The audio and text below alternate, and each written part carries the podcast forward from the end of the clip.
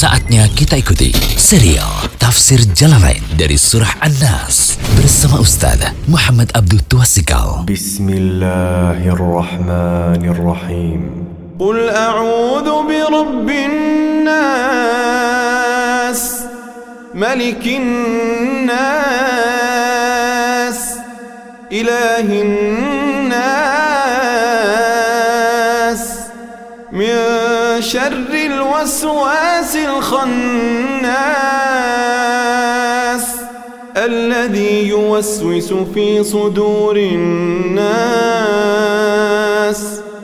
من الجنة والناس Dengan nama Allah yang Maha Pengasih, Maha Penyayang. Katakanlah, aku berlindung kepada Rob yang memelihara dan menguasai manusia, Raja manusia, sembahan manusia, dari kejahatan bisikan setan yang biasa bersembunyi, yang membisikkan kejahatan ke dalam dada manusia, dari golongan jin dan manusia.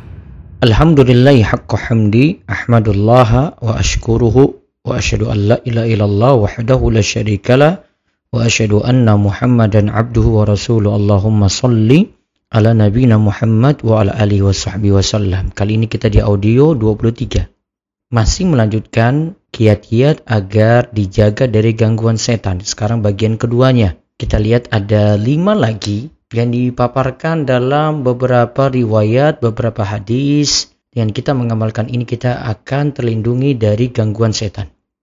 Yang keenam, berlindung dari gangguan setan ketika masuk kamar kecil.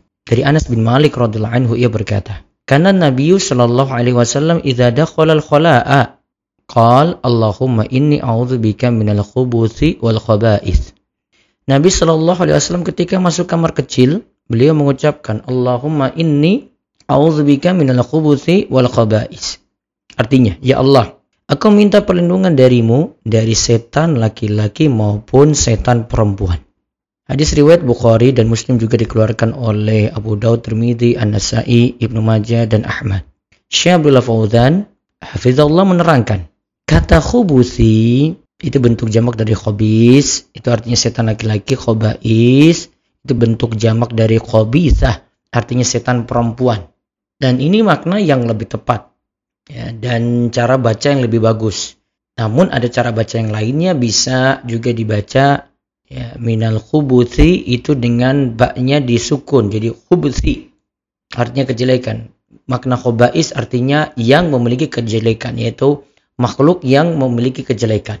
Berarti kita minta perlindungan dari kejelekan dan juga pelakunya. Kedua makna ini bisa dipakai, artinya bisa dibaca dengan khubusi wal khaba'is, bisa dibaca khubusi wal khaba'is dengan baknya itu disukun. Yang ketujuh, azan itu membuat setan lari.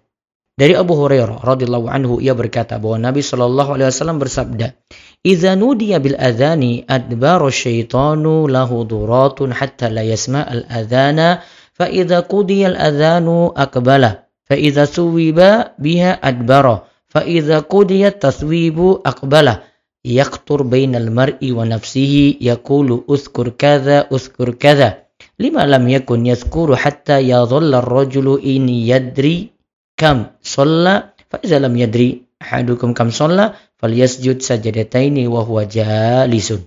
Apabila azan dikumandangkan, setan itu berpaling sambil kentut hingga setan tidak mendengar azan tersebut. Apabila azan selesai dikumandangkan, ia pun kembali. Apabila dikumandangkan iqamah, setan pun berpaling lagi. Apabila iqamah selesai dikumandangkan, setan pun kembali. Ia akan melintas di antara seorang dan nafsunya. Setan berkata, Ingatlah demikian, ingatlah demikian. Untuk sesuatu yang sebelumnya dia tidak mengingatnya hingga laki-laki tersebut senantiasa tidak mengetahui berapa rakaat dia sholat. Apabila salah seorang dari kalian tidak mengetahui berapa rakaat dia sholat, hendaklah dia bersujud dua kali, yaitu sujud sawi dalam keadaan duduk. Hadis riwayat Bukhari dan Muslim. Ibnu Jauzi rahimahullah itu mengatakan suara azan membuat setan itu takut sehingga pergi menjauh karena dalam kumandang azan sulit terjangkit riak dan kelalaian. Hal ini berbeda dengan sholat. hati mudah diserang oleh setan dan ia selalu membuka pintu was-was dan setan selalu membuka pintu was-was. Kalau azan terjauh dari riak. Sampai-sampai Abu Awanah membuat judul suatu bab dalil bahwa orang mengumandangkan azan dan iqamah tidak dihinggapi was-was setan dan sulit terjangkit riak karena setan menjauh dari orang yang kumandangkan azan.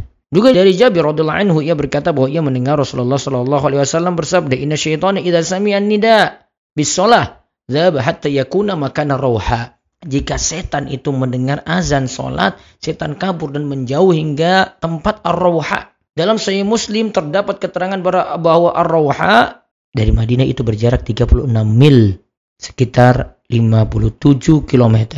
Lalu kedelapan lagi, agar terjaga dari gangguan setan, berlindung dari godaan setan ketika ia hadir. Sebagaimana Allah Subhanahu wa taala sebutkan dalam Al-Mu'minun ayat 97 98, "Qur rabbi a'udzubika min hamazati syayatin." bika rabbi ayyahdurun.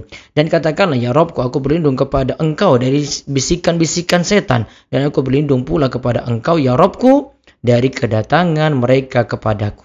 Dari Al-Walid bin Walid radhiyallahu anhu ia berkata, "Wahai Rasulullah, aku sedang sedih, murung." Kemudian Nabi Shallallahu alaihi wasallam itu bersabda, "Jika engkau hendak tidur, ucapkanlah a'udzu bikalimatillahi tammati min ghadabihi wa syarri ibadihi wa min hamazati syayatin wa ayyahdurun." Aku minta perlindungan dengan kalimat Allah yang sempurna dari murkanya, dari siksanya, dari kejelekan makhluknya, dan dari godaan setan ketika hadir. Nah, kata Nabi Shallallahu Alaihi Wasallam, siapa yang membaca bacaan ini, setan pasti tidak akan menimpakan mudarat padamu. Setan pun tidak akan mendekatimu.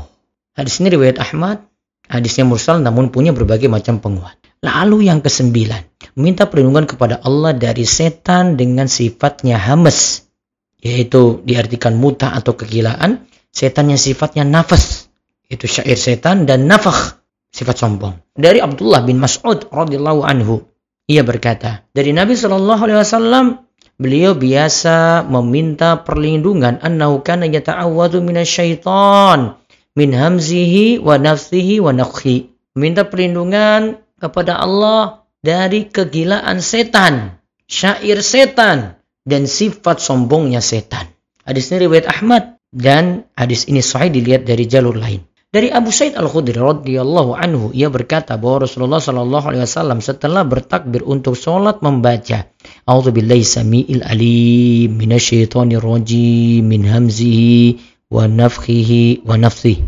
Aku berlindung kepada Allah yang maha mendengar lagi maha mengetahui dari gangguan setan yang terkutuk dari kegilaannya kesombongannya dan syairnya hadis ini riwayat Abu Dawud Tirmidzi An-Nasai Ibnu Majah dan Ahmad hadisnya Hasan intinya kita dapati sifat setan dari bacaan ini adalah yang pertama hamas artinya mutah yaitu sejenis gila dan kesurupan. Setan disebut demikian karena setan itu jadi sebab seseorang menjadi gila dan kesurupan. Kemudian kedua, nafakh. Nafakh itu artinya kiber, sombong. Yaitu setan itu membisik pada manusia hingga ia merasa dirinya itu di atas. Akhirnya merendahkan yang lain. Inilah yang namanya sombong.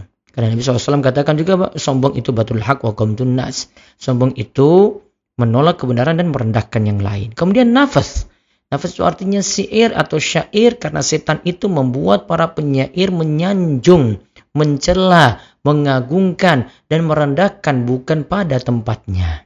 Lalu yang ke sepuluh, membaca ta'awudz ketika membaca Al-Qur'an. Allah taala berfirman, "Fa idza qara'tal Qur'an fasta'iz billahi minasyaitonir rajim."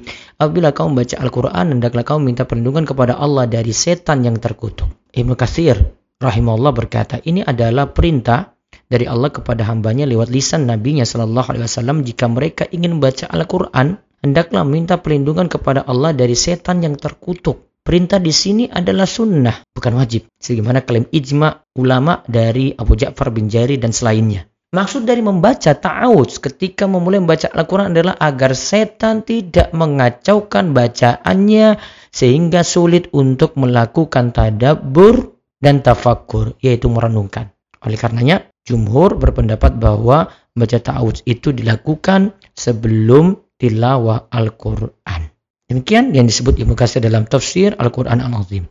Semoga jadi ilmu yang manfaat. Demikian serial Tafsir Jalalain dari Surah An-Nas bersama Ustaz Muhammad Abdul Tuasikal. Kunjungi terus situs rumaisu.com